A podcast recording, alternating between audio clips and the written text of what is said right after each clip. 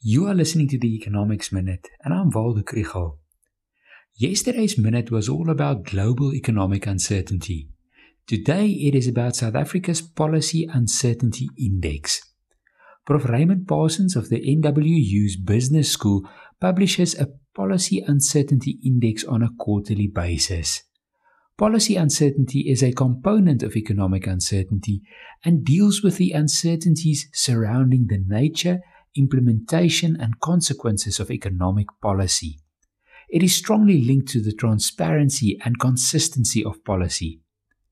The latest report highlights that uncertainty is high, even though the index number has declined slightly over the past two quarters. The positive factors that influence uncertainty are the good prospects of economic growth, led by the foreign sector.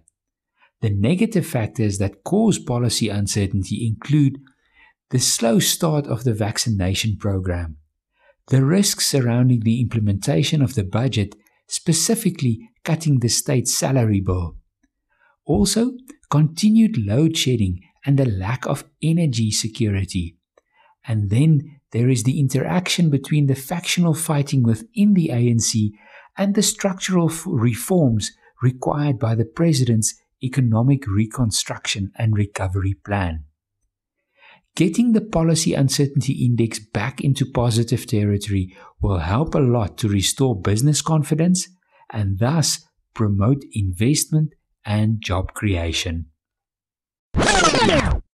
If you want to learn more about the economy, follow the Econ 101 page on Facebook.